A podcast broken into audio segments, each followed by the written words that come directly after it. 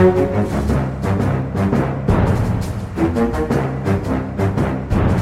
you Ja, nei, men Da er vi i gang med denne ukens eh, Aftenpodden. For en uke det er. Det er få dager igjen til valget. Vi er her alle sammen i studio. God dag, god dag, Trine Eilertsen. Hallo. Hallo, hallo. Og på plass, vår faste gjest, nyhetsredaktør i NTV, Sara Sørheim. Så du har her. Hei, hei, hei. Og jeg er Lars Lomnes. Nå eh, tetter det seg virkelig til. Det er jo et eh, vanvittig antall mulige saker denne uka. Vi skal plukke litt i noen av dem. Vi skal bli kjapt innom bompengeløsningen, da Erna Solberg om hun vant eller tapte, og litt sånn pengebruk. Nå nærmer det seg budsjettforhandlinger. Eh, Vi skal snakke om fritt skolevalg, en stor sånn ideologisk eh, skillesak. Eh, Og så starter vi litt med Jonas Gahr Støre. For her er det, må vi ta en liten avstemning i, eh, i studio.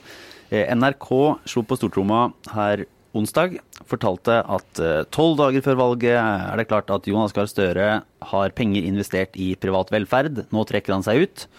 Um, og det gir jo noen eh, flashbacks, eller eh, man tenker tilbake til valget i 2017, da det ble klart at Jonas Gahr Støre, som jo sitter på en ikke ubetydelig formue, hadde investert dem i litt forskjellige fond, som også innebar noen Altså hva var det da? Da var det både noe som var, var en slags privat eh, eierskap eh, der også, i offentlig velferd, og så kom denne brygga i, i det hele tatt. Ja, var ting som eh, brøt litt med den politiske linja. Og nå eh, løftet fram en nyhetssak igjen, og da lurer jeg på er det stor nyhet, er det liten nyhet?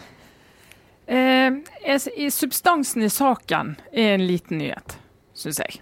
Eh, det, hvis du går inn i det, for jeg mener at du kan ikke se helt bort fra både omfanget eh, og hva du kan forvente av en eh, politiker at de skal ha oversikt over. Jeg mener at du kan ikke forvente av en norsk politiker som har kjøpt en tjeneste som handler om at DNB skal passe på at han investerer på en grei måte.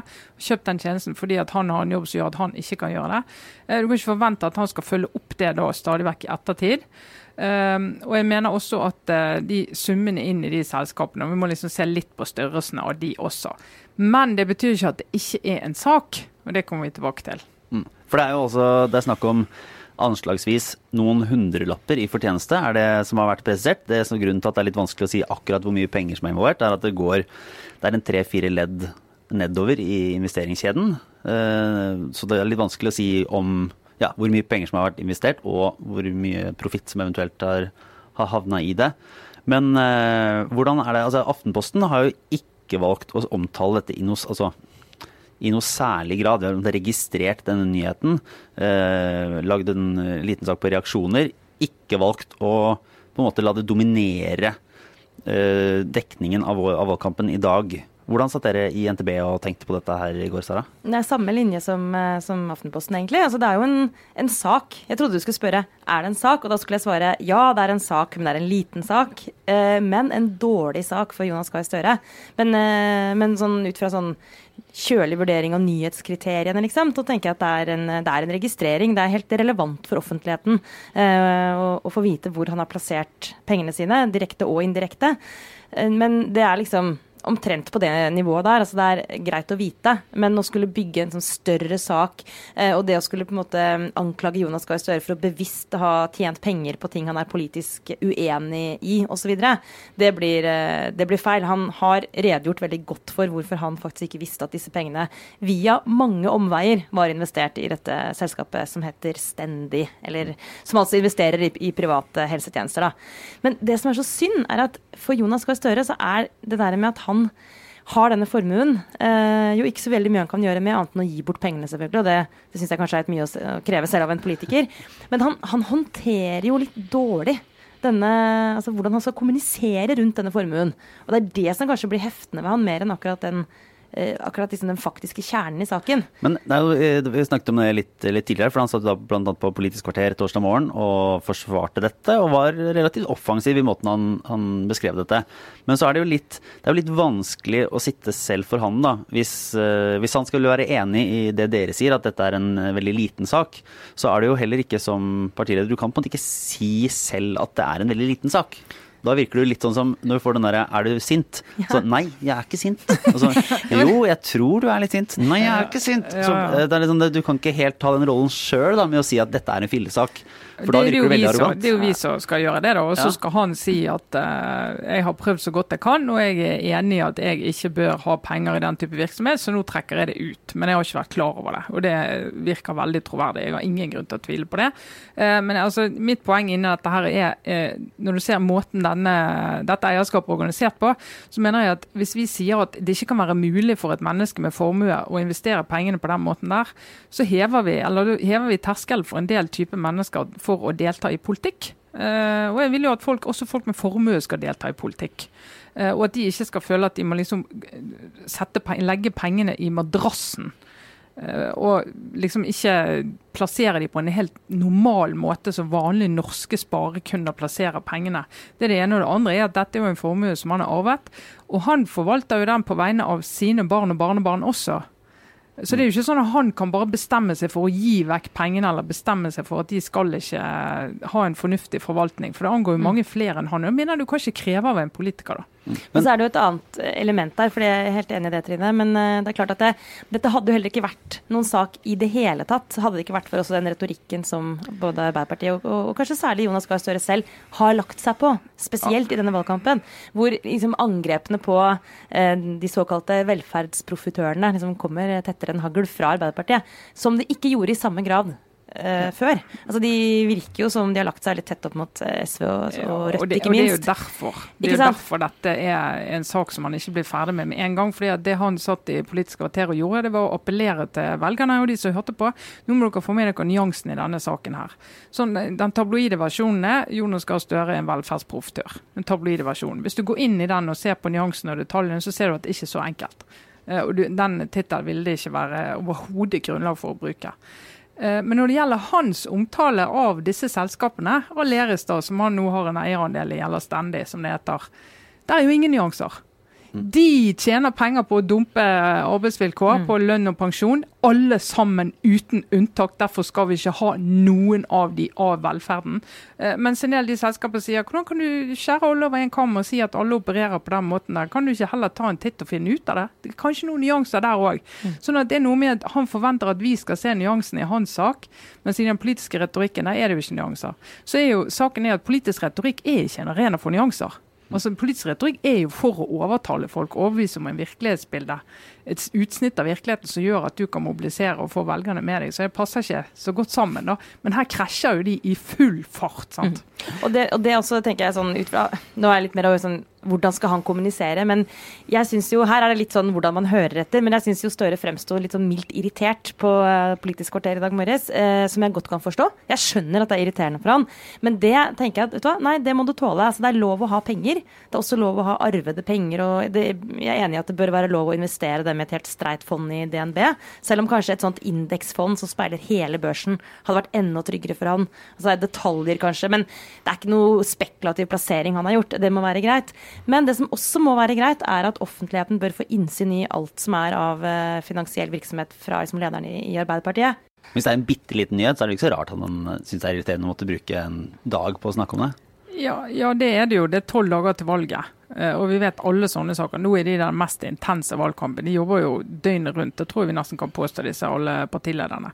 Og så må du plutselig avlyse masse programmer og, og bruke tid på dette. Det er klart det er sånn Åh, bummer, ja? Og det skjedde jo i 2017 òg, så det er utrolig irriterende. Jeg hørte jo han spekulerte litt i hva som lå bak timingen av at denne saken kom nå. Og det er jo litt sånn farlig å gjøre hvis ikke du har en knagg å henge det på, da.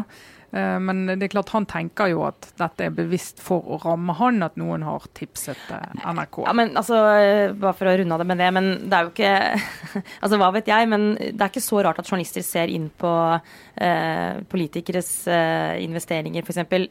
tolv dager før valget. Altså, Det trenger ikke å bli helt konspiratorisk. Det er jo en grunn til at det har nyhetens interesse nå, da. Så jeg syns også det er litt sånn spesielt å begynne å spekulere i det som eh, politiker selv. Men det er klart at det hjelper vel ikke på, Lars, at han endelig nå kanskje hadde en slags sånn drøm fra Disneyland om å kunne snakke om noe. Selv han også. At ikke hele valgkampen skal handle om dette bompengebråket. Så at det liksom, endelig så er liksom bompengesaken sånn litt om ikke lagt død, så er det liksom litt mindre fokus på den. Så må han bruke da Politisk kvarter på sin egen formue. Jeg kan jo skjønne at det føles eh, litt bortkasta. Ja.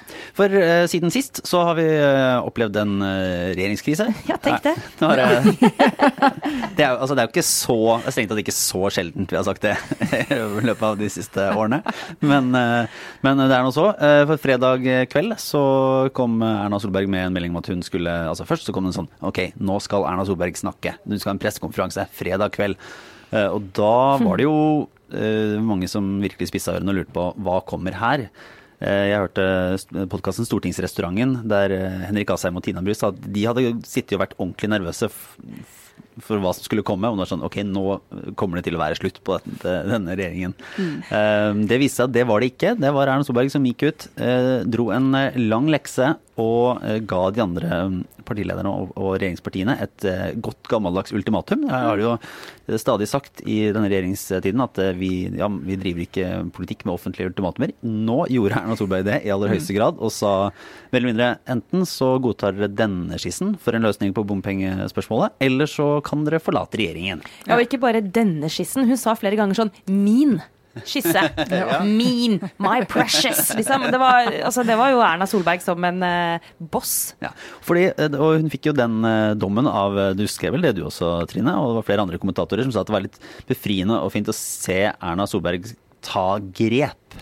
Ja, altså jeg skrev det, for jeg syns det var litt hun har fremstått som fasilitator på et samferdselsseminar i mange måneder nå. hvor Hun liksom bare prøver å legge til rette for diskusjon mellom de andre deltakerne og har trukket seg tilbake når liksom diskusjonen kommer. og Det synes jeg det er sånn de klør litt i kroppen, da, for du tenker at noen må liksom ta ledelsen her og komme inn og lede litt. Så det, Jeg syns det var veldig befriende. Jeg så en liten TV 2 hadde vel en måling i går som viste at Høyre hadde gjort et uh, lite hopp i dagene etter det. Den tatt opp etter det. De raste jo rett før. sånn at det kan jo tyde på at en del av de uh, gjerdesitterne til Høyre, da, uh, eller sofasitterne kan vi jo kalle det, satt kanskje hjemme i sofaen og så dette på TV og tenkte Hallais! Der var du! Ja, der var du! Ja, men er det her altså, er, det et, uh, er det en styrke for en statsminister å måtte gå ut offentlig og gjøre dette? Det er jo en mer eller mindre historisk uh, setting. Ja, det, er, det er kabinettsspørsmål inni regjeringen tror jeg ikke vi har vært borti. Jeg kan tenke meg at det har skjedd på bakrommet før. Det kan jeg tenke meg. At det, det har skjedd uten at vi har visst det.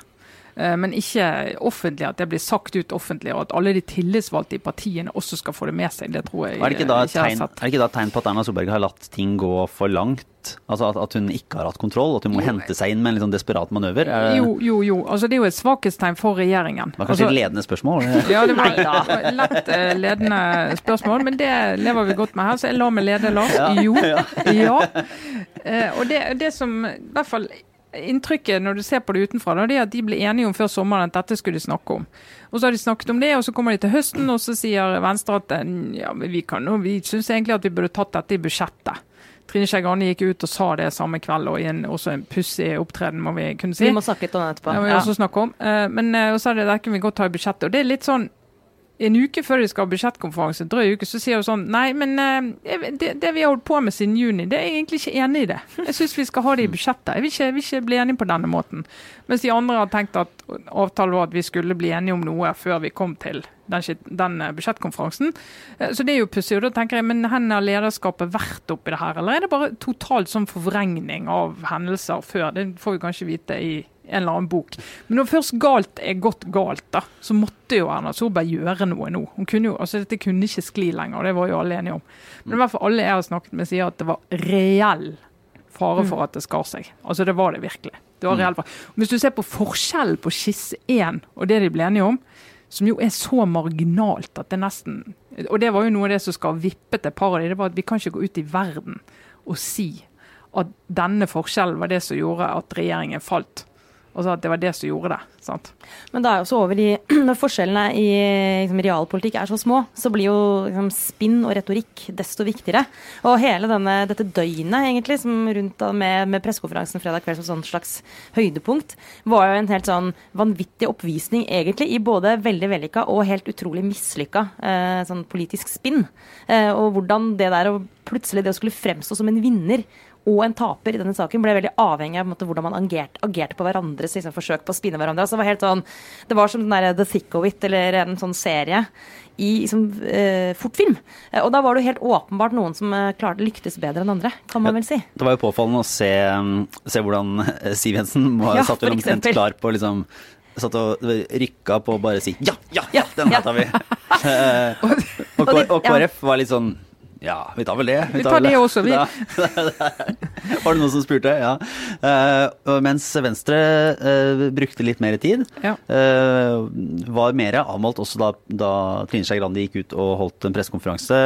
La jo vekt på at dette hadde vært en dårlig prosess og flere ting. Og jeg snakket med litt ulike Høyre-kilder bl.a. som var veldig letta over at denne, dette, denne konflikten nå var over. Men de rista veldig på huet over hvordan Venstre og Trine Skei Grande klarte å på en måte snike et tap ut av også denne seieren, da, sånn som de Det som er en litt sånn spesialøvelse for Venstre, må vi nesten si. ja, etter hvert, som mente at det var sånn Ok, nå har du fått dette. Nå var, nå var det i alles eh, gode interesse å si at dette var den beste avtalen noensinne. Eh, vi vant fram på alt dette her, å være kjapt ute. Og så gikk Venstre likevel og så måtte understreke at dette var jo tross alt ikke helt sånn som vi ville ha det. Var ikke så bra. Er, har, det, har det noe å si? Altså, da snakket jo Trine Skei Grande til sine egne for å vise at jeg har kjempet for at vi skulle gjøre det på en annen måte. Men, men det er bare det at, for å si det, når de står og har blir blitt dekket på live riksdekkende fargefjernsyn en fredag kveld, så har jo de mange forskjellige publikum de snakker til. Snakker til velgerne, og så skal de snakke til baklandet sitt som lurer på har du jobbet godt nok for partiet. Trine Skei Grandes oppgave var å si til velgerne at eh, vi har fått gjennomslag for økt kollektiv, og det er nullvekstmålet. Det tar vi med oss videre. Så var litt forskjellig kommunikasjon rundt det, men og så klarer hun altså istedenfor å liksom reindyrke det, da, så sier hun Og forresten, nå når jeg har ordet, så vil jeg bare ha sagt at jeg liker ikke denne måten å gjøre det på. Og på den måten så tar hun hele oppmerksomheten vekk fra den seieren, istedenfor å ta det en annen gang. Hva tar det denne uken? Hva vet jeg, neste uke? Eh, og det, Det gjør det ikke. Og det, og det er bare så liksom vondt å se på, da. Det var vel ingen som mistenkte at Trine Skei Grande var sånn superfornøyd med den prosessen i utgangspunktet? Nei, altså det var jo ingen bombe, det. Og det har jo de sagt on off eh, i 14 dager. Men så Erna Solberg, da, jo hadde det var jo òg en pusseseanse. Hun gikk jo hardt ut. Det var jo, eh, det var jo interessant og sterkt å se at hun tok lederskap og gikk frem. Eh, Og så gikk det jo hva da, 40 minutter til, på en måte. Med, med enormt mange detaljer om hver eneste Vei, bro, tunnel, busstilbud, bussrute, sovevogner. Altså det var et detaljnivå som var helt vilt. Men da har jeg latt meg fortelle da, at der igjen, hun snakker til flere publikum, skal hun si til velgerne at eh, dette her er, nå ordner jeg opp. Men det andre publikum hun snakket til, det var hver eneste lokalpolitiker og tillitsvalgte de fire partiene i hver eneste kommune i Norge som rammes av dette. Så hun skulle hilse hjem til hver eneste Din bro, din tunnel, E8 inn til Tromsø. Altså Hun skulle liksom ta alle de, sånn at når de partiene skal forankre og liksom høre med sine, så kan de liksom si at ja, vi fikk det, vi fikk det. Jeg har inntrykk av at det var litt diskusjon før den pressekonferansen på om hun skulle gjøre det eller ikke. Men at eh, Solberg selv skal ha liksom skåret gjennom på at eller sånn vil jeg gjøre det. Eh, mens eh, andre kanskje mente at det var en anledning til å vinne noen poeng. gå i valgkampmodus. være rask og handlekraftig og snakke så folk forstår det. det men nei, det her skulle ja, Det varte to-tre minutter, og så Ja, og det interessante var at veldig få journalister også, tror jeg, som klarte å henge med på alt sammen. Ja. Så bare til slutt så gir man jo etter og tenker sånn OK, fint, sikkert godt tenkt. Men det man skulle tro når man ser dette utenfra, er jo at det var Fremskrittspartiet som var liksom den røde kluten internt i, i regjeringen, som gikk så veldig hardt ut. Eh, som var eh, så tydelige på at vi vil ikke forhandle mer. Altså De skapte jo på en måte, eller de eskalerte jo denne konflikten veldig med sine utspill sånn i dagene før fredagen. Eh, men sånn internt så er mitt inntrykk at det er, det er Venstre som de andre regjeringspartnerne liksom er irriterte på i størst grad. Da. Det er der det liksom gnisser, eh, særlig fra Høyre sitt ståsted. Eh, og Det er sånn mange eksempler på det, men én ting er nå, Lars det med, og Trine, det med at eh, Trine Skei Grande trakk opp liksom, prosessen og hvor misfornøyd hun var. Men bare de timene de bruker også, sant. Altså, eh, bare at de ikke klarer å bare kvittere ut dette, sånn som KrF og, og Frp gjør. Eh, det er jo irriterende, for det skaper mye, masse unødvendig usikkerhet rundt hele regjeringsprosjektet den, den fredag kveld. Da. De to timene er verdt ganske mye. Men, eh, men, det er også så dumt. Det er så mm. utrolig idiotisk. For det du sier da til folk som ser dette utenfra, det er at å ja, Frp og KrF har tydeligvis fått en kjempegod avtale. Det tok ett og et halvt minutt for dem å bare hell yeah, dette gjør vi. Mens vi har fått en dårlig avtale og måtte slepe oss liksom mm, tilbake mm. igjen. Eh, ekstremt misfornøyde og sutrete. Og da, ok, hvem tapte? Jo, Venstre. Og det gjorde de jo faktisk ikke. De fikk jo tvert imot ganske bra gjennomslag i denne skissen. De fikk jo ganske mye etter sånn som de ville det. Så åh, ja. Men så eh, var det jo Jeg eh, hørte, hørte et annet sted Nå skal ikke alle for mange referanser til en konkurrerende podkast laget av et parti men det var litt morsomt å høre eh, finanspolitisk talsmann i, i Høyre, Henrik Asheim, snakke om at i sin podkast Stortingsrestauranten at eh, nå, nå, var det Høyres løsning, og det var så deilig å se Høyres politikk. Eh, og det var sånn Henrik Å, vi har politikk, liksom. Ja, ja, det var nå én ting, men det er veldig vanskelig for å forstå at Høyre sånn i utgangspunktet eh, i januar i 2019 tenkte at eh, nå er det veldig viktig for Høyres politikk og for oss at vi skal finne en ordning som gjør at vi Eh, kutte bompenger og eh, bruke masse penger på å kutte bompenger og eh, støtte kollektivtrafikk. Altså det er jo sånn Og gjerne øke med 20 milliarder, som vi skal få oss inn i løpet av ti år. Ja, altså, det, høres ikke, det høres ikke altså, helt ut som Høyres politikk, men gang etter gang gjennom denne regjeringens virke, så har man jo løst problemer stort sett ved å bruke litt mer penger. Slipper de unna med det den gangen her òg? Ja, får, Vi får jo se når budsjettet kommer. Så Erna Solberg sto i går var det vel og samlet seg. Nå er, det, nå er det innstramming og moderasjon og alt det der. Og Det betyr jo at hvis de da bruker to milliarder mer på samferdsel, så må de jo bruke to milliarder mindre på noe annet. da. Mm -hmm. eh, altså Kunne brukt de pengene på noe annet. Eh, og det jeg mener jo den der NTP, Nasjonal transportplan, omfanget den er jo helt absurd svært. Og jeg husker, og det, det, og der, Hvorfor det? Hvorfor han er det? Eller, hvordan er den det? Nei, han er jo over 1000 milliarder kroner skal vi bruke på samferdsel i løpet av litt for få år, vil jeg mene.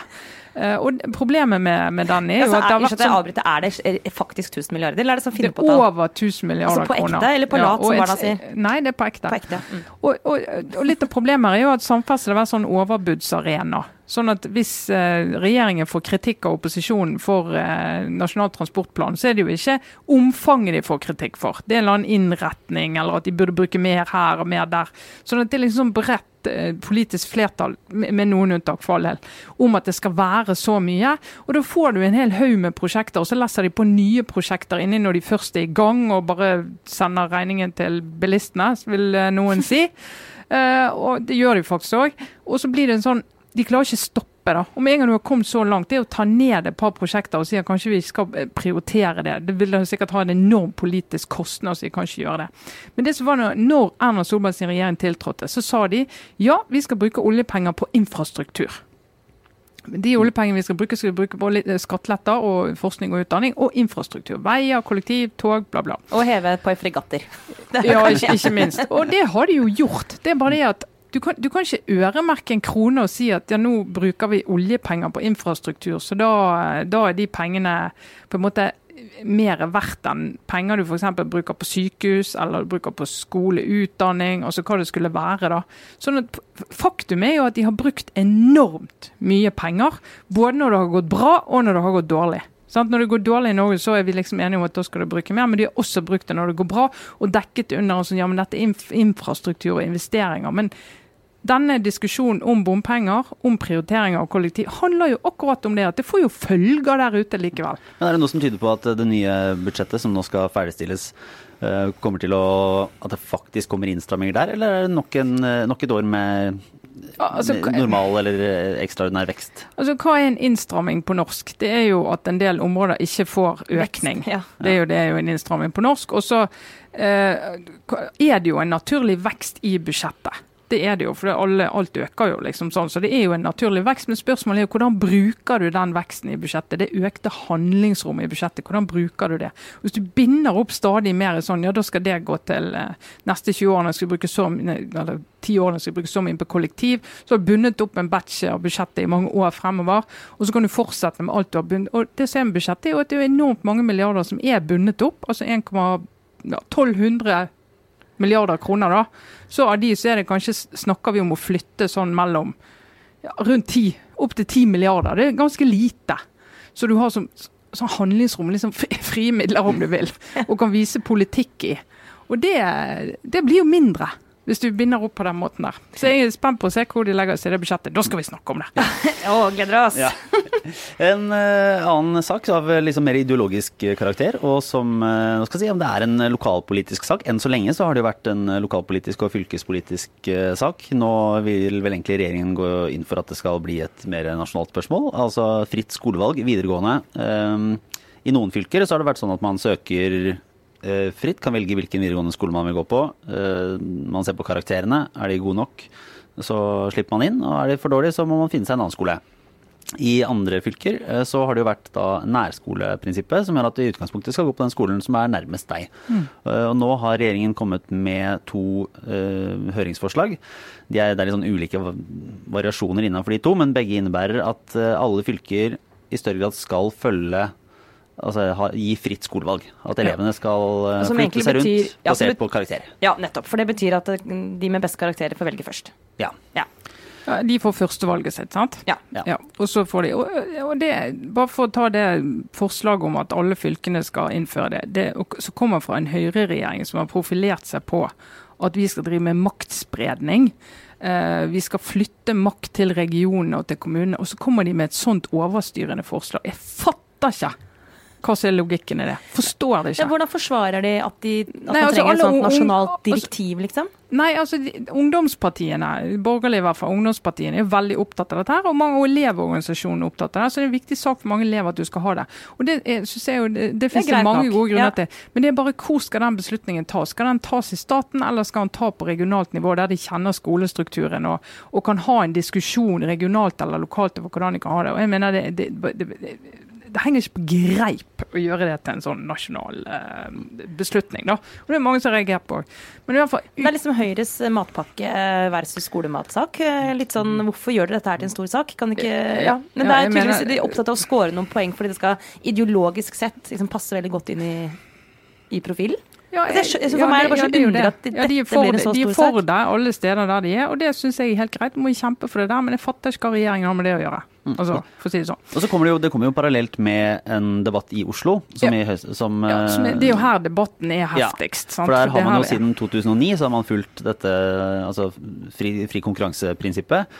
Uh, og det har jo vært større debatt, og det er jo dagens byråd er jo skeptisk til det. For de peker på at uh, klasseskillet mellom skolene i Oslo har vokst. Da. Altså, vi hadde jo en reportasje i, si, i Aftenposten her uh, uka som var, om hvor store forskjeller det er, og at, uh, at de beste, si, konkurransen om de beste skolene, da, i hermetegn der det er størst etterspørsel, er veldig, veldig tøff. Og at noen skoler ikke har noen konkurranse i det hele tatt. Mm. Ja.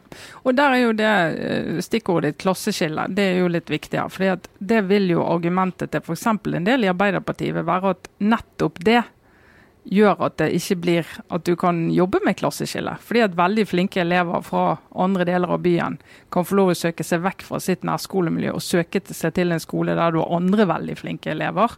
Som at de kommer inn i et nytt miljø som gjør at de kan få utviklet talentet sitt maksimalt. Så det er jo faktisk et av argumentene for fritt skolevalg. at det virker.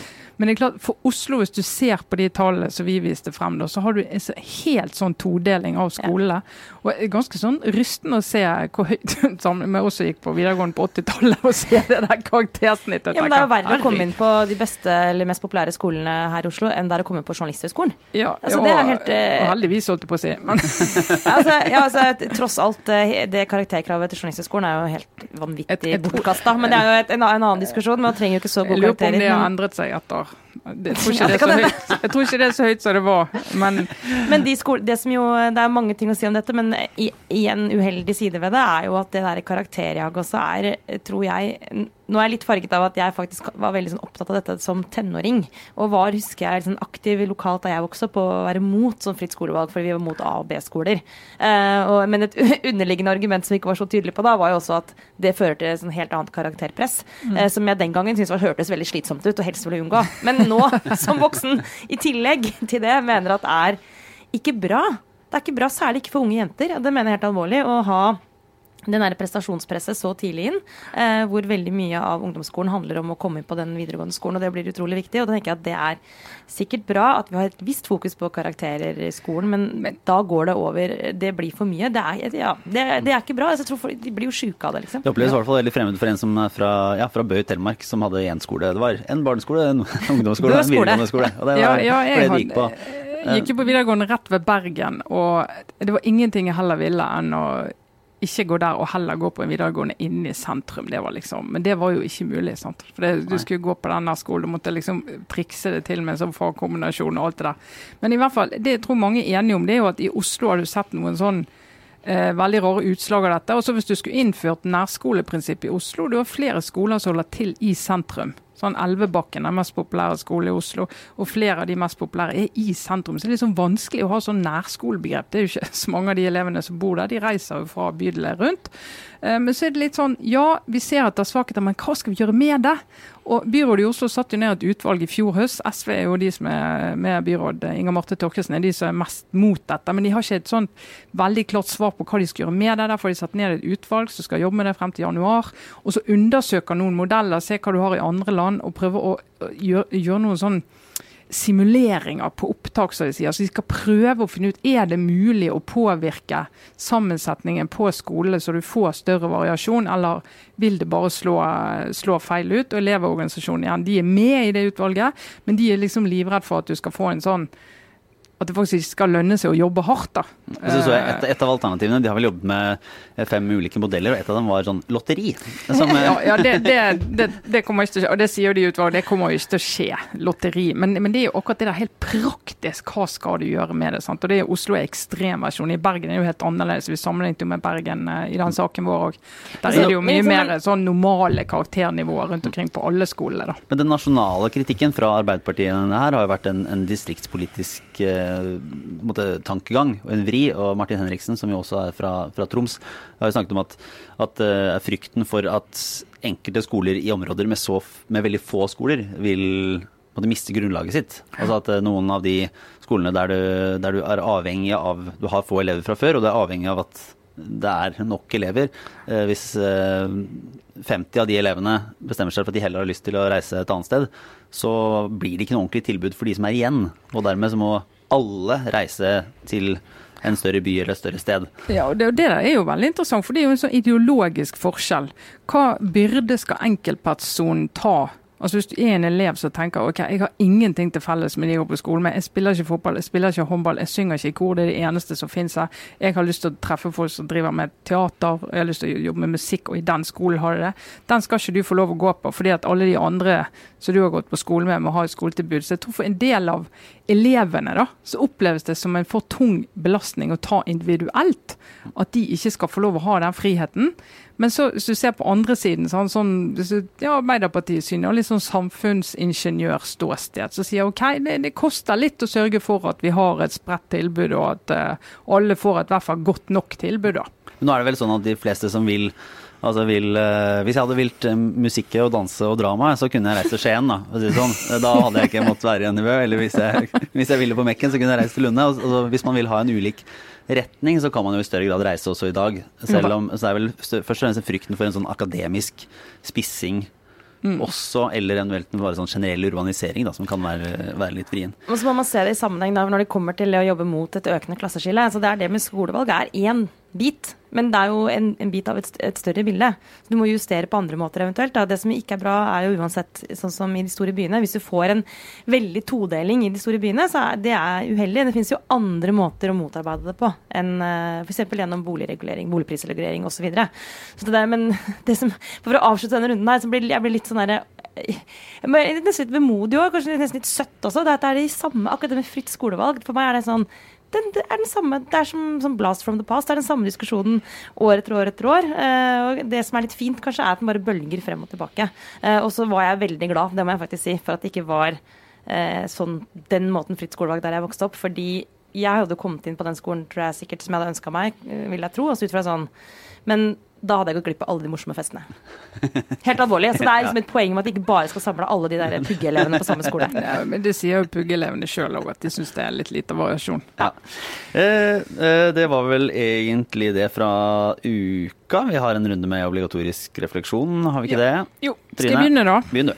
Ja, det kan, eh, det som, Siden det nå er valg og mye politikk og saker og sånn, så skal jeg bare ta opp en liten sånn ting som jeg har merket meg at en del spør meg om. Eh, både på mail og direkte. Og sjøl veldig rutinerte politikere spør meg om det. Her er sånn I din blogg så er det, blogg. her er den faste spalten som alle blogger har, som er sånn spørsmål og svar. Send meg gjerne spørsmål på Instagram. Eh, og så skal jeg svare. Så Ja, nå, Trine, har du skal liksom snakke om den fuktighetskremen jeg bruker. Nei. Eller så er det en variant av den derre La meg rydde litt i begrepene her.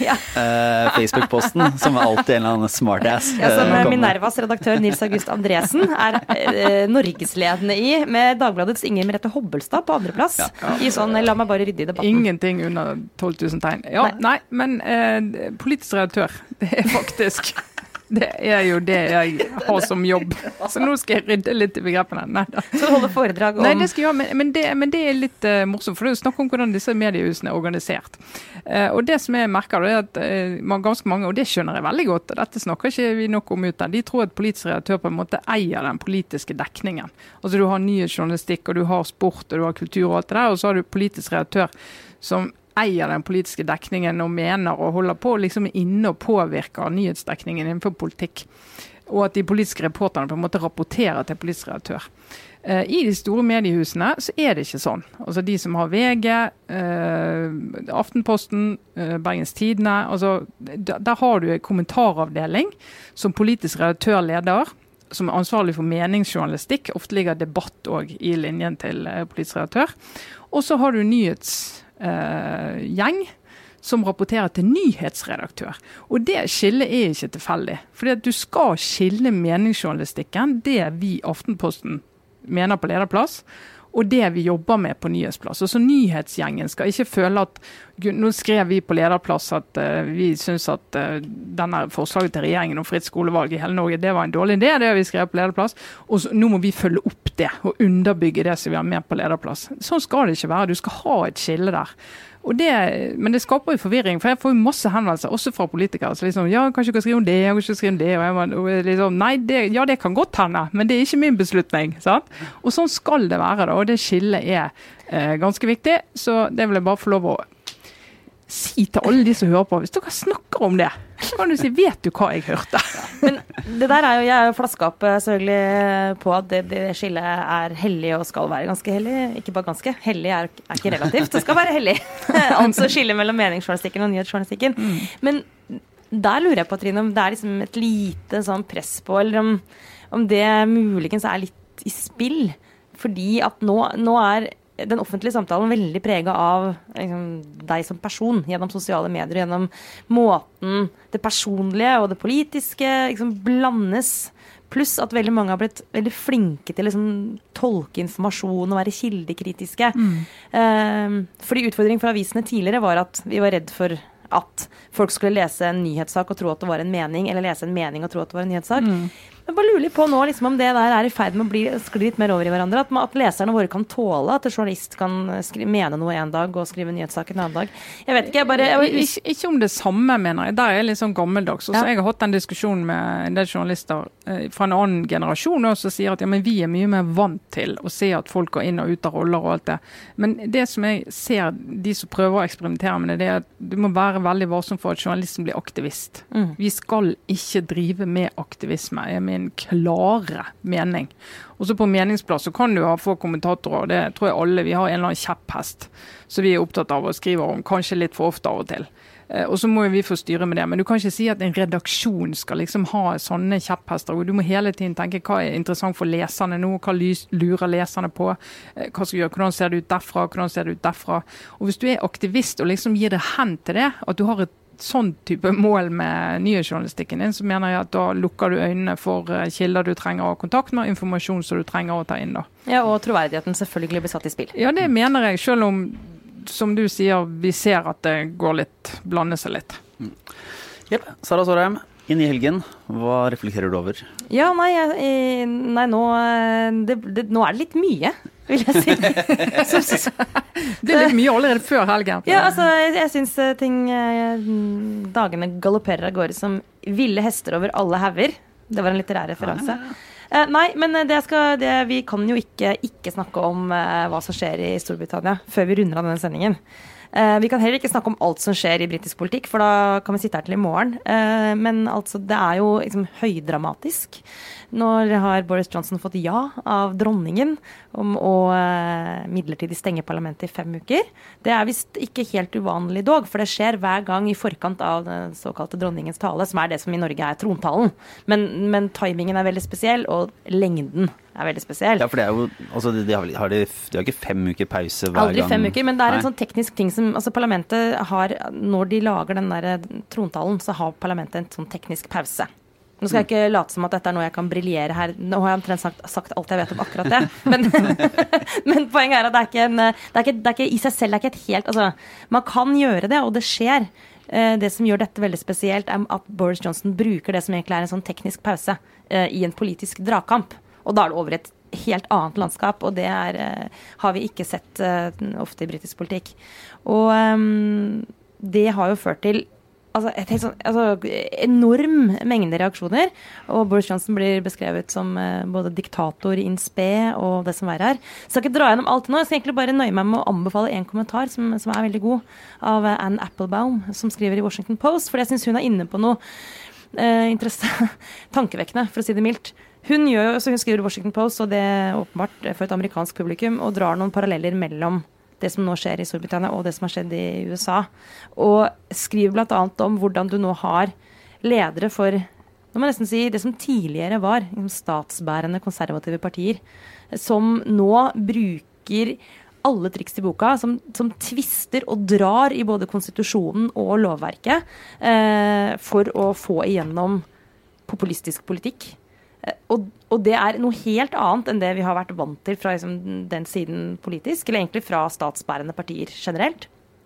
Og at det eh, på sikt er med på liksom, å undergrave institusjonene og ikke minst det folkevalgte, altså parlamentet, eh, på en måte som hun liksom bare advarer mot. da.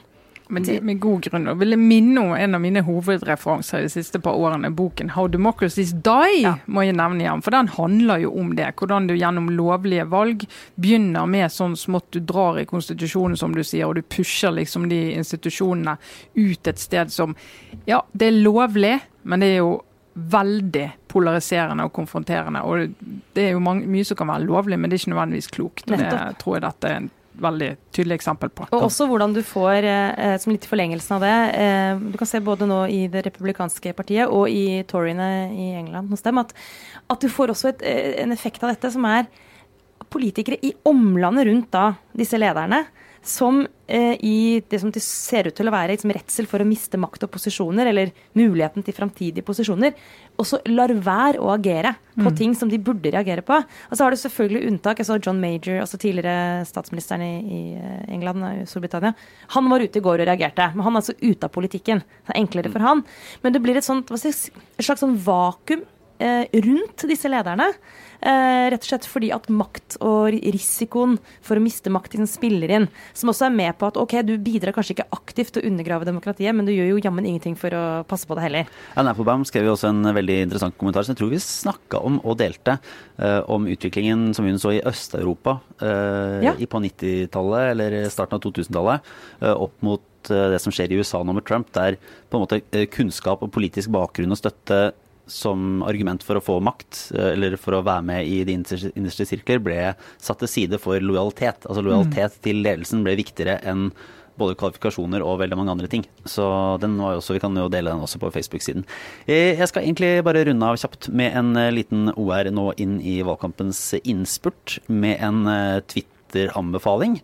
Eh, Som er Twitter-personligheten, om vi kan kalle det. Eh, eh, Forsberg, Magnus Forsberg, jurist og eh, heftig på Twitter. eh, har hatt en liten samling, en tråd her i løpet av denne uka, som var, eh, har vært eh, gamle plakater og ulike sånne kampanjeslagord der fra norske valgkamper. Og der Ja. er det veldig veldig mye å finne. Det er såpass visuelt at jeg skal ikke engang prøve å, uh, prøve å gå inn i beskrivelser av det her nå, men det er uh, veldig veldig mye rart fra langt tilbake, og verdt å ta en liten kikk i det lille Twitter-galleriet til Forsberg om gamle, gamle ting. Har du en favoritt eh, foreløpig, Lars? Eh, nei, altså jeg har en Hva var det? Det var en som er The, var det, The Trond Rider. Altså en sånn plakat som var spill på Tomb Rider, altså Lara Croft-greiene. Bare at det er snakk om Trond Giske, oh. som, eh, som da var vel kirke- og utdanningsminister i 2001.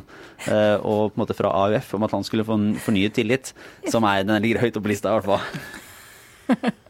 Og så kan jeg egentlig bare anbefale helt kjapt på, på tampen den nye sånn meningsmålingstrackeren til eh, faktisk.no.